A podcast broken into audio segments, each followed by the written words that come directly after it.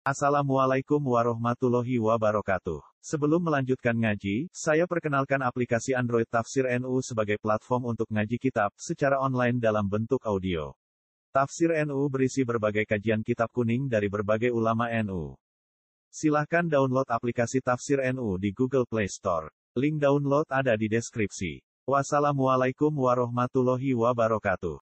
Assalamualaikum warahmatullahi wabarakatuh.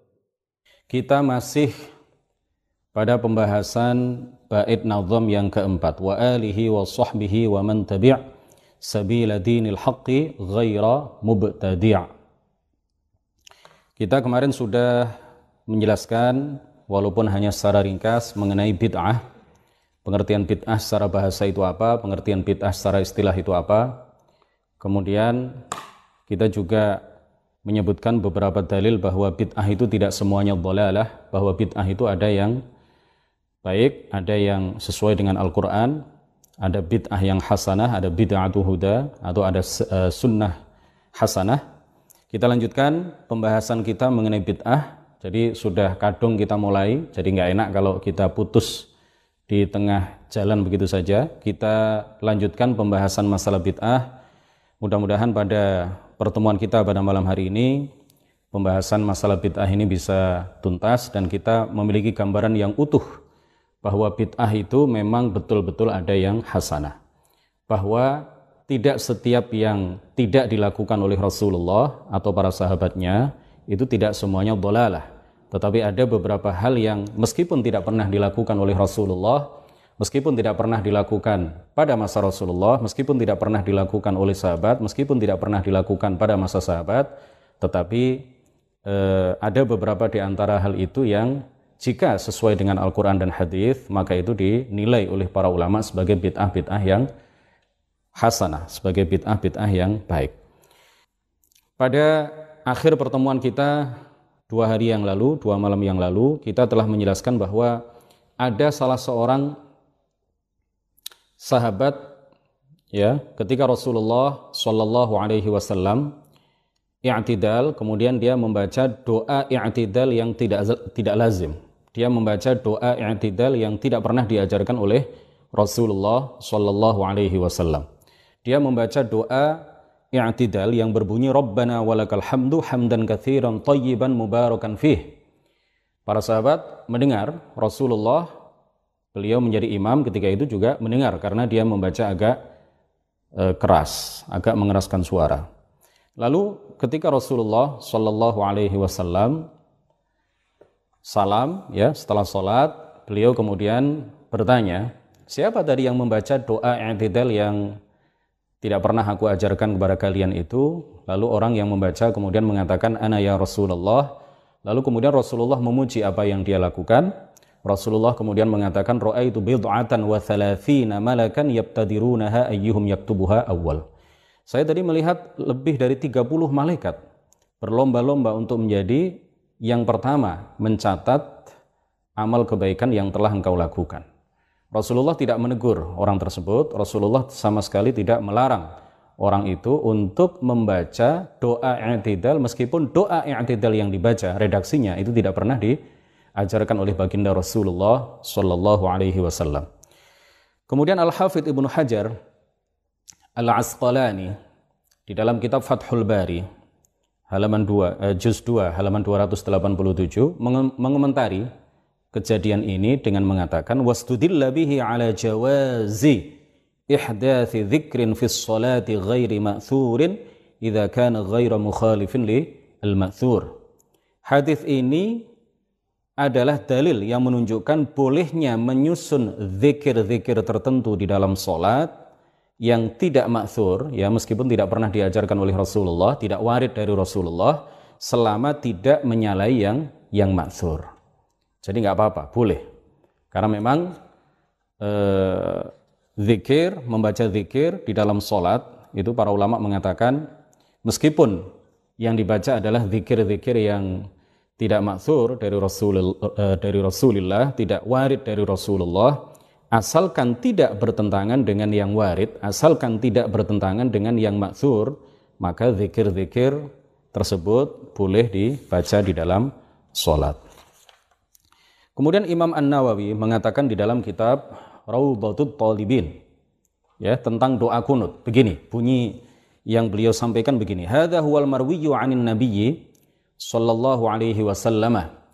Wa zada al-ulama'u fihi wa la ya'izzu man 'adait qabla tabarakta wa ta'alait. Wa ba'dahu falakal hamdu ala ma qadait astaghfiruka wa atubu ilaik. Qultu qala ashabuna la ba'sa bihadhihi ziyadah wa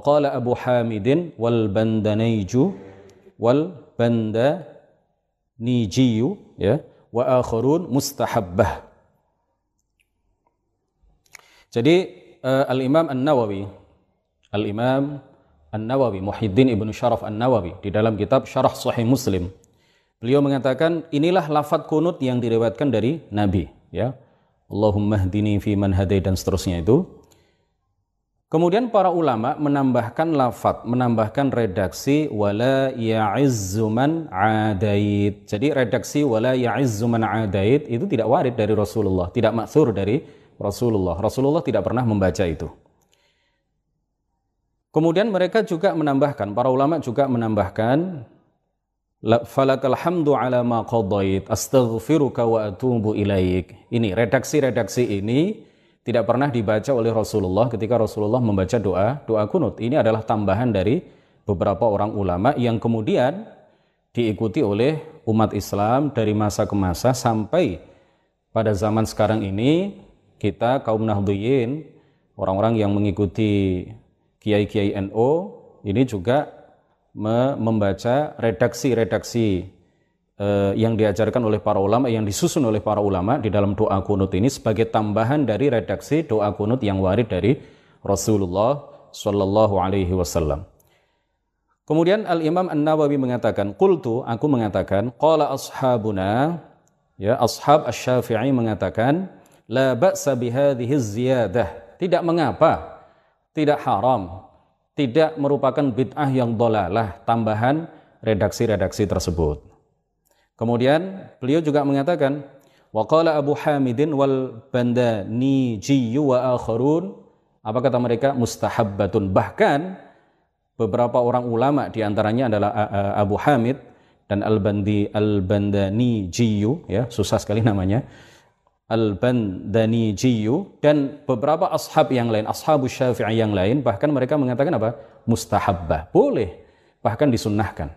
Ya, karena memang redaksi, tambahan-tambahan redaksi yang disusun oleh para ulama itu tidak bertentangan dengan yang maksur, tidak bertentangan dengan yang warid yang pernah dibaca dan diajarkan oleh baginda Rasulullah Shallallahu Alaihi Wasallam. Nah, selanjutnya kita akan menjelaskan tentang beberapa contoh bid'ah yang hasanah dan bid'ah yang sayyi'ah. Apa saja e, contoh-contoh perbuatan yang masuk dalam kategori bid'ah yang hasanah, bid'ah yang baik, bid'ah yang sesuai dengan Al-Quran dan Hadis. Dan apa saja contoh-contoh perbuatan ya atau juga termasuk contoh-contoh akidah yang masuk dalam kategori bid'ah yang sayyi'ah, bid'ah yang dolalah. Yang pertama kita contohkan dulu bid'ah yang hasanah. Yang pertama, contoh yang pertama adalah sholat dua rakaat sebelum dibunuh. Sholat dua rakaat sebelum di, dibunuh. Uh, yang merintis uh, sunnah hasanah atau bid'ah hasanah yang berupa sholat dua rakaat, ya, sholat dua rakaat yang dilakukan sebelum dibunuh ini adalah sahabat Khubaib bin Adi. Sahabat siapa? Sahabat Khubaib bin Adi Al-Ansari, salah seorang sahabat Nabi. Ya, salah seorang sahabat Rasulullah Shallallahu alaihi wasallam. Sebagaimana diriwayatkan oleh Abu Hurairah, beliau mengatakan fakana Khubaibun awwala man sanna as-salata 'inda al-qatl. Rawahul Bukhari. Dan adalah sahabat Khubaib bin Adi Al-Ansari adalah orang yang pertama kali merintis sholat ya sunnah dua rakaat ketika akan di, dibunuh, ketika akan dibunuh oleh orang-orang kafir. Ya ini diriwayatkan oleh Imam Al Bukhari dan juga diriwayatkan oleh Imam Ibnu Abi Syaibah di dalam kitab al-Musannaf. Coba perhatikan apa yang dikatakan oleh Abu Hurairah tadi. Fakana Khubaibun awwalaman sunnas eh, awwalaman sanna as-salata 'indal qadl. Jadi Abu Hurairah memilih redaksi apa? Sanna. Itu artinya apa? Artinya bahwa Khubaiblah orang yang pertama kali merintis, memulai perbuatan baik yang berupa sholat dua rakaat sebelum dibunuh oleh musuh. Jadi sebelumnya memang nggak ada itu.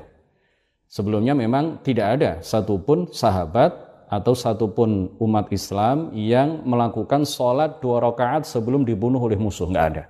Jadi orang yang pertama kali melakukan itu adalah sahabat Khubay bin, bin Adi. Kemudian contoh lain adalah penambahan azan pertama sebelum pelaksanaan sholat Jumat.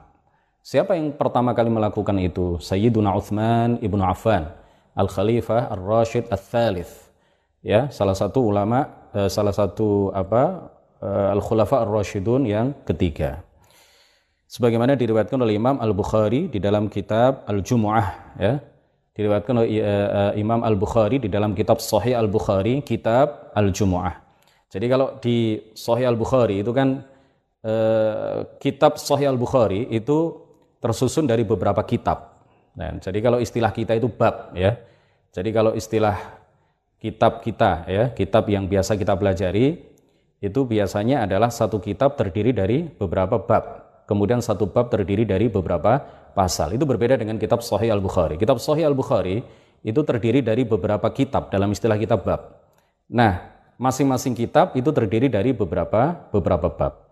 Nah, Imam Al-Bukhari meriwayatkan penambahan azan yang pertama. Ya, azan yang pertama yang dilakukan oleh Sayyidina Uthman itu di dalam kitabul Jumu'ah.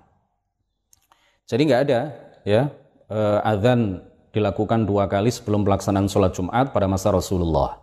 Pada masa Abu Bakar juga tidak ada, pada masa Umar juga hanya satu kali. Siapa yang pertama kali menambahkan uh, satu kali lagi azan sehingga menjadi dua kali azan sebelum pelaksanaan sholat Jumat? Orang yang pertama kali melakukan itu adalah Sayyiduna Uthman Ibnu Affan radhiyallahu an.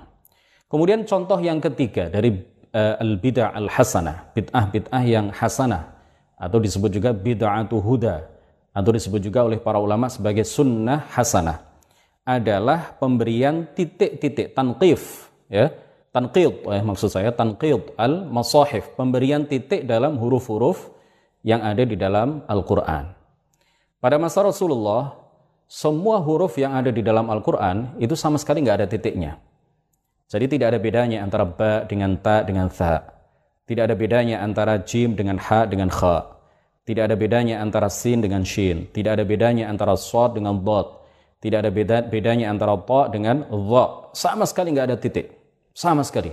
Tidak ada titik sama sekali di dalam huruf-huruf yang ada di dalam Al-Quran, di dalam mushaf pada masa Rasulullah, pada masa Abu Bakar, pada masa Sayyidina Umar, ya, pada masa Sayyidina Uthman, pada masa Sayyidina Ali, pada masa-masa itu, pada masa Rasulullah dan masa Al-Khulafa Ar-Rashidun, mushaf itu sama sekali tidak ada titiknya di dalam huruf-hurufnya, sama sekali. Dan juga nggak ada harokatnya.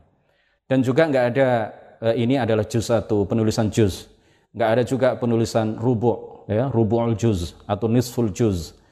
Eh, kemudian juga tidak ada apa uh, i'rabnya ya tidak ada harokatnya tidak ada dhammahnya tidak ada fathahnya gundul ya kalau sekarang kita mengenal kitab kuning gundul itu masih ada harokatnya masih ada titiknya jadi kalau jadi kalau mushaf pada masa Rasulullah mushaf pada masa uh, Al-Qur'an pada masa Rasulullah kemudian mushaf pada masa Abu Bakar mushaf pada masa para al-khulafa ar-rasyidun sampai pada masa Sayyidina Ali itu tidak hanya gundul seperti kitab gundul ya seperti kitab kuning tapi betul-betul gundul sehingga nggak ada harokatnya dan tidak ada titiknya sama sekali. Coba bagaimana uh, orang ketika itu bisa membaca ya. Orang ketika itu bisa membaca karena memang mereka berbicara bahasa Arab itu bisaliqah. Jadi bahasa Arab itu bukan bahasa yang di, di apa dipelajari tetapi bahasa yang memang uh, adalah bahas betul-betul bahasa ibu mereka ya. Uh, al-lughatul um ya ketika itu. Dan mereka berbicara bahasa Arab itu bisaliqah. Dan mereka talaki Al-Quran dari gurunya, gurunya talaki kepada gurunya, sehingga kemudian banyak di antara mereka yang uh, setengah hafal ya meskipun meskipun di antara mereka ada yang tidak hafal Al-Quran, tetapi mereka setengah hafal. Jadi meskipun nggak ada titiknya, meskipun nggak ada harokatnya, mereka bisa membaca itu dengan dengan baik. Nah, siapa orang yang pertama kali memberikan titik-titik dalam Al-Quran? Abu Bakar ibn uh, Abi Dawud, ya, putra dari Sahibus Sunan, putra dari Imam Abu Dawud, memiliki karangan yang berjudul Al-Masahif. Di dalam kitab ini beliau mengatakan bahwa awwalu man naqatal masahif siapa? Yahya ibnu Ya'mur atau Yahya ibnu Ya'mar. Yaitu salah satu ulama di kalangan tabi'in. Ya, beliau adalah salah satu ulama di kalangan tabi'in. Jadi pada pada masa sahabat belum ada penitikan di dalam huruf-huruf Al-Qur'an. Belum ada pemberian titik di dalam huruf-huruf Al-Qur'an. Gundul-dul ya, lebih gundul daripada kitab gundul yang kita kenal saat ini. Jadi orang sekali lagi orang yang pertama kali memberikan titik dan itu sangat bermanfaat bagi orang-orang setelahnya, bagi generasi setelahnya. Beliau adalah Yahya bin Ya'mur atau Yahya bin Ya'mar. Ini pahalanya luar biasa ya. Tokoh ini pahalanya luar biasa karena memudahkan generasi setelahnya untuk bisa membaca Al-Quran dengan dengan baik. Nah, kalau orang-orang Wahabi mengatakan bahwa semua apa yang tidak pernah dilakukan oleh Rasulullah atau semua apa yang tidak pernah pernah dilakukan pada masa Rasulullah adalah bid'ah yang dolalah itu artinya menurut kaidah mereka yang seperti itu artinya apa? Berarti Al-Quran yang ada titiknya sekarang itu adalah bid'ah yang dolalah. Kalau memang ini adalah bid'ah yang dolalah, coba hilangkan saja Eh, titik-titik dalam Al-Quran mereka, hilangkan saja harokat-harokat i'rab, ya, uh, fathah, dhamma, dan seterusnya itu dari mushaf yang ada di mereka. Bisakah mereka membaca? Nggak akan bisa. Kemudian yang keempat adalah pembuatan mihrab, ya, mihrab tempat imam. Di dalam masjid, di dalam musola, ya, ada ceruk itu ya, ada apa namanya? Bagian yang menjorok ke depan, ya, di bagian barat di bagian kiblat, bagian barat kalau di Indonesia, di bagian arah kiblat, di suatu masjid atau di suatu musola, ini adalah e, bentuk bangunan mihrab seperti yang kita kenal sekarang, ini di masa Rasulullah tidak pernah ada. Di masa para sahabat juga tidak pernah ada. Siapa yang e, melakukan atau membangun mihrab pertama kali, para ulama mengatakan orang yang pertama kali mengadakan mihrab ya tempat khusus untuk imam ketika jamaah sholat itu adalah siapa al Khalifah ar Rashid yang bernama Umar ibnu Abdul Aziz. Kemudian contoh yang kelima adalah peringatan Maulid Nabi dan juga peringatan-peringatan hari-hari besar Islam yang lain. Siapa orang yang pertama kali melakukan peringatan Maulid Nabi? Ya, menurut Ibnu Katsir, tokoh yang sangat dikagumi oleh orang-orang Wahabi. Begitu juga menurut Al-Hafidh Ibnu Hajar Al-Asqalani dan beberapa ulama yang lain termasuk eh, Al-Hafidh Al-Iraqi, kemudian Ibnu Dihyah, Al-Hafidh Ibnu Dihyah dan lain sebagainya, orang yang pertama kali melakukan perayaan Maulid ya adalah Raja Al-Mudhaffar. Raja Al-Mudhaffar, penguasa Irbil. Sultan atau penguasa Irbil. Irbil itu salah satu daerah di di Irak. Kemudian yang keenam adalah membaca solawat atas Nabi setelah azan. Membaca solawat atas Nabi setelah azan. Ini juga adalah bid'ah yang hasanah. Siapa yang mengatakan bahwa itu adalah bid'ah yang hasanah? Di antaranya adalah Al-Hafidh Al-Imam As-Suyuti rahimahullah di dalam kitab Musa Maratul Awail. Kemudian As-Sakhawi di dalam kitab Al-Qawlul Badi' Al-Hattab Al-Maliki di dalam kitab Mawahibul Jalil. Nah ini sunnah ya. E, mustahabbah disunnahkan, dianjurkan bagi seseorang yang beradhan, bagi seseorang yang melantunkan adhan, setelah selesai adhan, maka dia dianjurkan untuk membaca sholawat. Dengan sir boleh, dengan jahar boleh.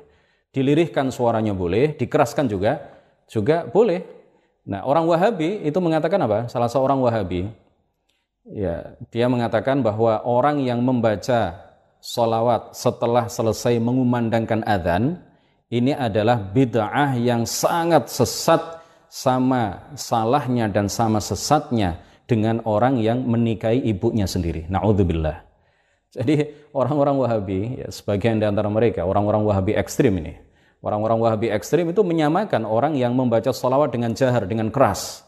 Setelah selesai mengumandangkan adzan, itu mereka samakan dengan orang yang menikahi ibunya sendiri, berzina dengan ibunya sendiri. Na'udzubillah. Ini adalah tuduhan yang sangat kecil kepada uh, jutaan umat Islam di hampir seluruh dunia yang Ketika mereka melantunkan azan, setelah selesai mereka kemudian membaca sholawat secara jahar. Kenapa? Karena memang di dalam azan itu e, disebutkan nama Nabi kita, Nabi Agung, Nabi besar Muhammad Sallallahu Alaihi Wasallam. Oleh karena itu mereka membaca sholawat dengan keras. Assalatu wassalamu alaika ya sayyidi ya Rasulullah misalkan ya atau dengan redaksi sholawat yang yang lain. Ini biasa kalau di negara-negara Arab ya. Kalau di kita ini kan e, kalau di Indonesia ini tradisinya beda. Tradisinya membaca sholawat dulu baru adzan. Ya, nggak apa-apa, boleh, bagus. Jadi membaca sholawat dulu kalau di kita ya, kemudian membaca, e, kemudian setelah itu baru kemudian mengumandangkan adzan. Nah ini tradisi di Arab ya dan di, di, di beberapa negara yang lain itu setelah adzan baru kemudian sholawat. Kenapa? Karena memang e, sholawat ini dibaca karena di dalam adzan itu ada penyebutan nama Muhammad. Jadi solawatnya diakhirkan sampai selesai azan baru kemudian dibaca secara jahron, secara keras. Kemudian contoh bid'ah hasanah yang selanjutnya, yang ketujuh adalah menulis lafaz sallallahu alaihi wasallam setelah menulis nama Nabi. Jadi itu bid'ah itu, tapi bid'ah yang hasanah. Karena Rasulullah ketika berkirim surat, ya, berkirim surat ke beberapa orang untuk diajak masuk Islam, ke Raja Rom, ke Raja Persia dan lain sebagainya, Rasulullah Shallallahu Alaihi Wasallam itu hanya menulis min Muhammadin Rasulillahi ila fulan. Beliau tidak menulis Shallallahu Alaihi Wasallam. Para sahabat juga begitu. Jadi para sahabat ketika mereka menulis e, nama Muhammad itu mereka tidak menulis atau mengiringinya dengan lafaz solawat. Nah, e, Allahu alam, siapa yang pertama kali melakukan itu, Allahu alam, tidak ada penjelasan atau paling tidak saya belum menemukan penjelasan siapa orang yang pertama kali merintis uh, tulisan sallallahu alaihi wasallam setelah tulisan Muhammad setelah penyebutan tulisan Muhammad Rasulullah di dalam kitab di dalam berbagai tulisan. Tapi itu jelas adalah bid'ah karena Rasulullah tidak pernah melakukan di masa Rasulullah juga tidak pernah di, dilakukan. Itu adalah bid'ah, tetapi bid'ah yang yang hasanah. Uh, ingin saya ingatkan kepada kita semuanya bahwa penulisan solawat baik secara lisan maupun secara tulisan, ya, kalau kita ingin mendapatkan pahala, kalau kita ingin mendapatkan barokah dari solawat, maka solawat itu kita tulis dengan lengkap dan kita ucapkan dengan lengkap, jangan disingkat. Jadi jangan disingkat SAW, jangan disingkat solam, jangan disingkat sot misalkan. Karena hukumnya adalah makruh, ya. Tidak sampai haram, tetapi makruh. Makruh artinya apa? Tidak dapat pahala. Jadi ketika kita membaca solawat atau ketika nama Muhammad, nama Rasulullah disebut, kemudian kita secara lisan mengatakan SAW itu dapat pahala tidak? Tidak dapat pahala. Sama dengan kalau ada orang yang menulis Muhammad Rasulullah dalam tulisan, ya kemudian dia menulis SAW atau solam atau sot itu sama sekali tidak dapat pahala sama sekali tidak mendapatkan barokah membaca atau menulis solawat jadi solawat itu dibaca ataupun ditulis maka akan mendatangkan keberkahan kepada kita dibaca ataupun ditulis maka akan mendatangkan pahala bagi bagi kita ya menulis solawat itu sama dengan pahala membaca solawat jadi mulai saat ini kita tinggalkan menyingkat solawat menjadi SAW, ya sama itu e, dengan tidak menulis solawat sama sekali. Panjenengan ya Bapak Ibu yang ada di rumah ketika menulis Muhammad Rasulullah kemudian tidak ditulis solawat, tidak diikuti solawat setelahnya. Atau ditulis solawat tetapi disingkat SAW, itu sama saja. Jadi sama-sama tidak mendapatkan pahala solawat. Kalau ingin mendapatkan barokah dan pahala solawat, maka tulis solawat itu dengan lengkap. Sallallahu alaihi wasallam. Kemudian contoh yang kedelapan, misalkan minal bid'ah al hasanah. Ya, di antara contoh bid'ah yang hasanah adalah torikot-torikot. Ada torikot rifa'iyah yang dirintis oleh Imam Ahmad Ar-Rifa'i. Kemudian ada tariqat Al-Qadiriyah, At-Tariqatul Qadiriyah yang dirintis oleh Syekh Abdul Qadir Al-Jilani atau Al-Jailani atau Al-Kailani, ya. Boleh dikatakan Al-Jailani atau Al-Kailani. Sebagian ulama membaca Al-Jilani atau Al-Kilani. Kemudian ada Tariqat Naqsyabandiyah, ada Syadziliyah, ya, dan macam-macam yang lain banyak sekali itu. Itu semuanya adalah bid'ah yang hasanah, nggak ada di masa Rasulullah itu penyebutan ya torikot tertentu, torikot A, torikot fulaniyah, torikot B dan lain sebagainya nggak ada.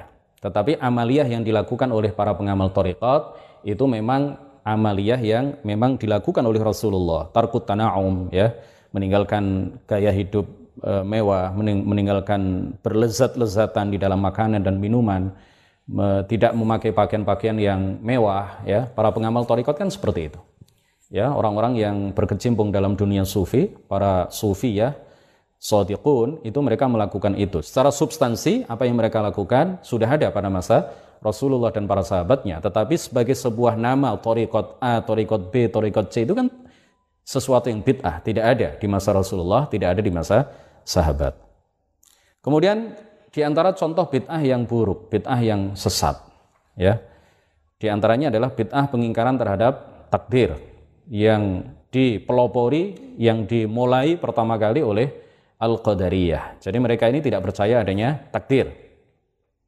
Tidak mempercayai adanya takdir. Sama dengan orang-orang eh, Hizbut Tahrir. Orang-orang Hizbut Tahrir itu mereka menyatakan bahwa perbuatan-perbuatan manusia yang ikhtiariyah, ya, perbuatan-perbuatan manusia yang ada unsur ikhtiar dan usaha di dalamnya, itu tidak ada kaitannya dengan qada Allah Subhanahu wa taala. Jadi dengan keyakinan seperti ini tidak ada bedanya antara orang Hizbut Tahrir dengan orang-orang Qadariyah, para pengingkar takdir, orang-orang yang tidak mempercayai dan mengimani adanya takdir. Ini adalah bid'ah yang dolalah.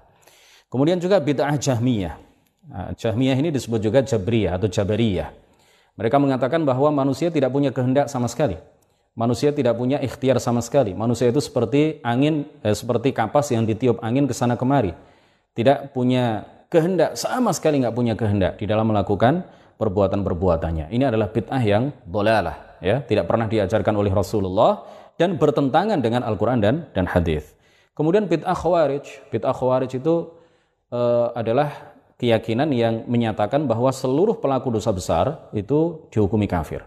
Setiap pelaku dosa besar dihukumi kafir. Sampai-sampai khawarij itu mengatakan bahwa seluruh pemerintah ya, seluruh pemerintah di seluruh dunia. Karena mereka tidak menggunakan hukum Islam, tidak menerapkan dan memperlakukan hukum Islam di dalam e, menjalankan roda pemerintahan, maka mereka dihukumi kafir dengan dalih kata mereka ayat wa lam yahkum bima anzalallah. E, mohon maaf ada gangguan sedikit ya. Jadi kita lanjutkan sedikit. Ini eh, HP saya sudah hampir habis penyimpanannya, saya nggak tahu. Mungkin nanti silahkan di, saya diberitahu di kolom komentar. HP saya ini ketika siaran langsung tidak hanya video ini eh, video yang uh, di live streaming kan itu tidak hanya tersimpan di di storage Facebooknya itu ya, tetapi juga langsung tersimpan di galeri. Jadi saya juga merasa uh, aneh ini ya. Saya nggak tahu apakah di pengaturannya atau seperti apa. Yang jelas langsung tersimpan di galeri. Videonya ini langsung tersimpan di di galeri tanpa saya download dari dari Facebook. Nah, ini sudah hampir habis tadi ada notifikasi ya di di layar HP saya bahwa eh, penyimpanan di HP Anda sudah hampir habis dan seterusnya. Ada ada beberapa kalimat ya. Mudah-mudahan bisa kita selesaikan sampai jam 20.30. Kalau di tengah jalan belum sampai jam 20.30 sudah apa ada gangguan ya, ada gangguan-gangguan sehingga terpotong videonya, mungkin faktornya adalah karena penyimpanan di HP saya, memori internal ya, eh, apa namanya? memori internalnya itu, penyimpanan internalnya itu sudah sudah habis. Storage di internalnya itu sudah sudah habis. Kita lanjutkan sedikit. Kemudian juga ada bid'ah uh, musyabbihah. Jadi orang-orang yang meyakini bahwa uh, Allah Subhanahu wa taala sama dengan makhluknya. Mereka menyifati Allah dengan dengan makhluknya. Mereka menyifati Allah dengan sifat-sifat makhluknya. Nah, ini bid'ah yang dolalah karena memang tidak pernah diajarkan oleh baginda Rasulullah Shallallahu Alaihi Wasallam. Rasulullah tidak pernah meyakini itu. Rasulullah tidak pernah mengajarkan itu. Para sahabat juga tidak pernah mengajarkan dan meyakini itu. Tetapi ini kemudian diada-adakan, diajarkan, dipropagandakan oleh kaum musyabbihah eh, beberapa abad setelah Rasulullah Shallallahu Alaihi Wasallam meninggal dunia. Ya, beberapa tahun setelah Rasulullah Shallallahu Alaihi Wasallam meninggal dunia. Mereka mulai mengajarkan ya lisu ifahmihim bil ayat al-Qur'aniyah wal ahadith an-nabawiyah karena mereka salah di dalam memahami beberapa ayat Al-Qur'an, salah di dalam memahami beberapa hadis sehingga kemudian mereka meyakini dan mengajarkan kepada para pengikut mereka bahwa Allah itu sama dengan makhluk, bahwa Allah itu di langit, bahwa Allah itu duduk di atas arash, bahwa Allah memiliki tangan, bahwa Allah itu memiliki uh, dua tangan dan dua-duanya tangan kanan, naudzubillahi min dzalik. Dan hal-hal semacam itu yang e, merupakan penyifatan-penyifatan yang sangat keji yang dinisbatkan oleh mereka kepada Allah Subhanahu wa taala. Kemudian juga jangan lupa bid'ah pengharaman tawassul. Siapa orang yang pertama kali mengharamkan tawassul? Ibnu Taimiyah. Satupun ulama sebelum Ibnu Taimiyah tidak ada yang mengharamkan tawassul. Jadi orang yang pertama kali datang dengan bid'ah pengharaman tawassul adalah Ahmad Ibnu Taimiyah salah seorang tokoh uh, yang paling dikagumi oleh orang-orang Wahabi pada masa sekarang. Jadi kalau sudah Ibnu Taimiyah yang mengatakan itu seakan-akan apa yang dikatakan oleh Ibnu Taimiyah ini adalah nas ya. Apa yang dikatakan oleh Ibnu Taimiyah ini seakan-akan adalah nas, tidak boleh ditolak, tidak boleh diabaikan. Uh, Jadi dipegang teguh oleh orang-orang Wahabi. Ketika Ibnu Taimiyah mengatakan bahwa tawasul itu haram, maka ini kemudian dipegang teguh, diyakini sebagai sebuah keyakinan yang mutlak benarnya oleh orang-orang Wahabi pada masa sekarang. Kemudian Ibnu Taimiyah juga lah orang yang pertama kali membagi tauhid menjadi menjadi tiga. Jadi Ibnu Taimiyah ini adalah orang yang eh, apa kontroversial, pro dan kontra ya, kontranya lebih banyak daripada pro-nya. Dan tokoh ini adalah tokoh yang sampai sekarang terjadi pro dan kontra di antara umat Islam. Ya, kalau para ulama pada masanya itu banyak di antara mereka yang tidak hanya melabelkan sesat kepada Ibnu Taimiyah, bahkan Ibnu Taimiyah ini di, banyak dikafirkan oleh para ulama pada masanya. Kemudian juga banyak disesatkan oleh para ulama setelahnya, sepeninggalnya. Bahkan dia dipenjara dengan kesepakatan Al-Qudat minal madhahibil arba'ah. Dia di penjara dengan kesepakatan empat hakim yang eh, apa dari madhab yang berbeda-beda. Dari empat madhab itu semuanya hakim-hakim dari empat madhab semuanya sepakat menyatakan bahwa Ibnu Taimiyah harus dipenjara. Ya, karena kesesatan-kesesatan dia yang dia ajarkan kepada masyarakat ketika itu. Hadirin rahimakumullah, ya, eh, asyik sekali kita membahas masalah bid'ah ini ya panjang sekali. Insya Allah akan kita bagi menjadi tiga sesi. Ini mumpung kita membahas masalah bid'ah, jadi sekalian saja kita kupas ya sampai habis. Pertemuan yang akan datang, insya Allah eh, sekarang hari Rabu ya, Rabu malam Kamis, besok libur. Hari Jumat malam Sabtu, insya Allah kita lanjutkan pertemuan kita masih seputar bid'ah. Pertemuan selanjutnya, insya Allah kita akan eh, mengupas syubhat-syubhat yang dilontarkan oleh orang-orang Wahabi. Apa syubhat itu? Syubhat itu adalah sesuatu yang dilontarkan untuk mengaburkan hal yang sebenarnya. Jadi orang-orang Wahabi melemparkan, melontarkan syubhat di kalangan umat untuk mengaburkan hal yang sebenarnya. Untuk menyatakan, kata mereka, bahwa semua bid'ah itu adalah sesat. Dengan dalil misalkan iyyakum wa muhdatsatil umur ya wa iyyakum wa muhdatsatil umur fa inna kulla muhdatsatin bid'ah wa kulla bid'atin dhalalah kemudian ada dalih-dalih mereka yang lain ya misalkan man sanna fil Islam ini tidak ditaksis ya tidak tidak mentaksis hadis kullu bid'atin dhalalah tetapi sebaliknya ya kullu bid'atin dhalalah itu ditaksis oleh man sanna fil Islam sunnatan hasanah Kemudian mereka juga mengatakan eh, laukana khairan sabaquna ilaihi. Seandainya perbuatan-perbuatan ini baik, maka para ula, para sahabat ya, termasuk Rasulullah Shallallahu alaihi wasallam akan mendahului kita di dalam melakukan perbuatan baik ini.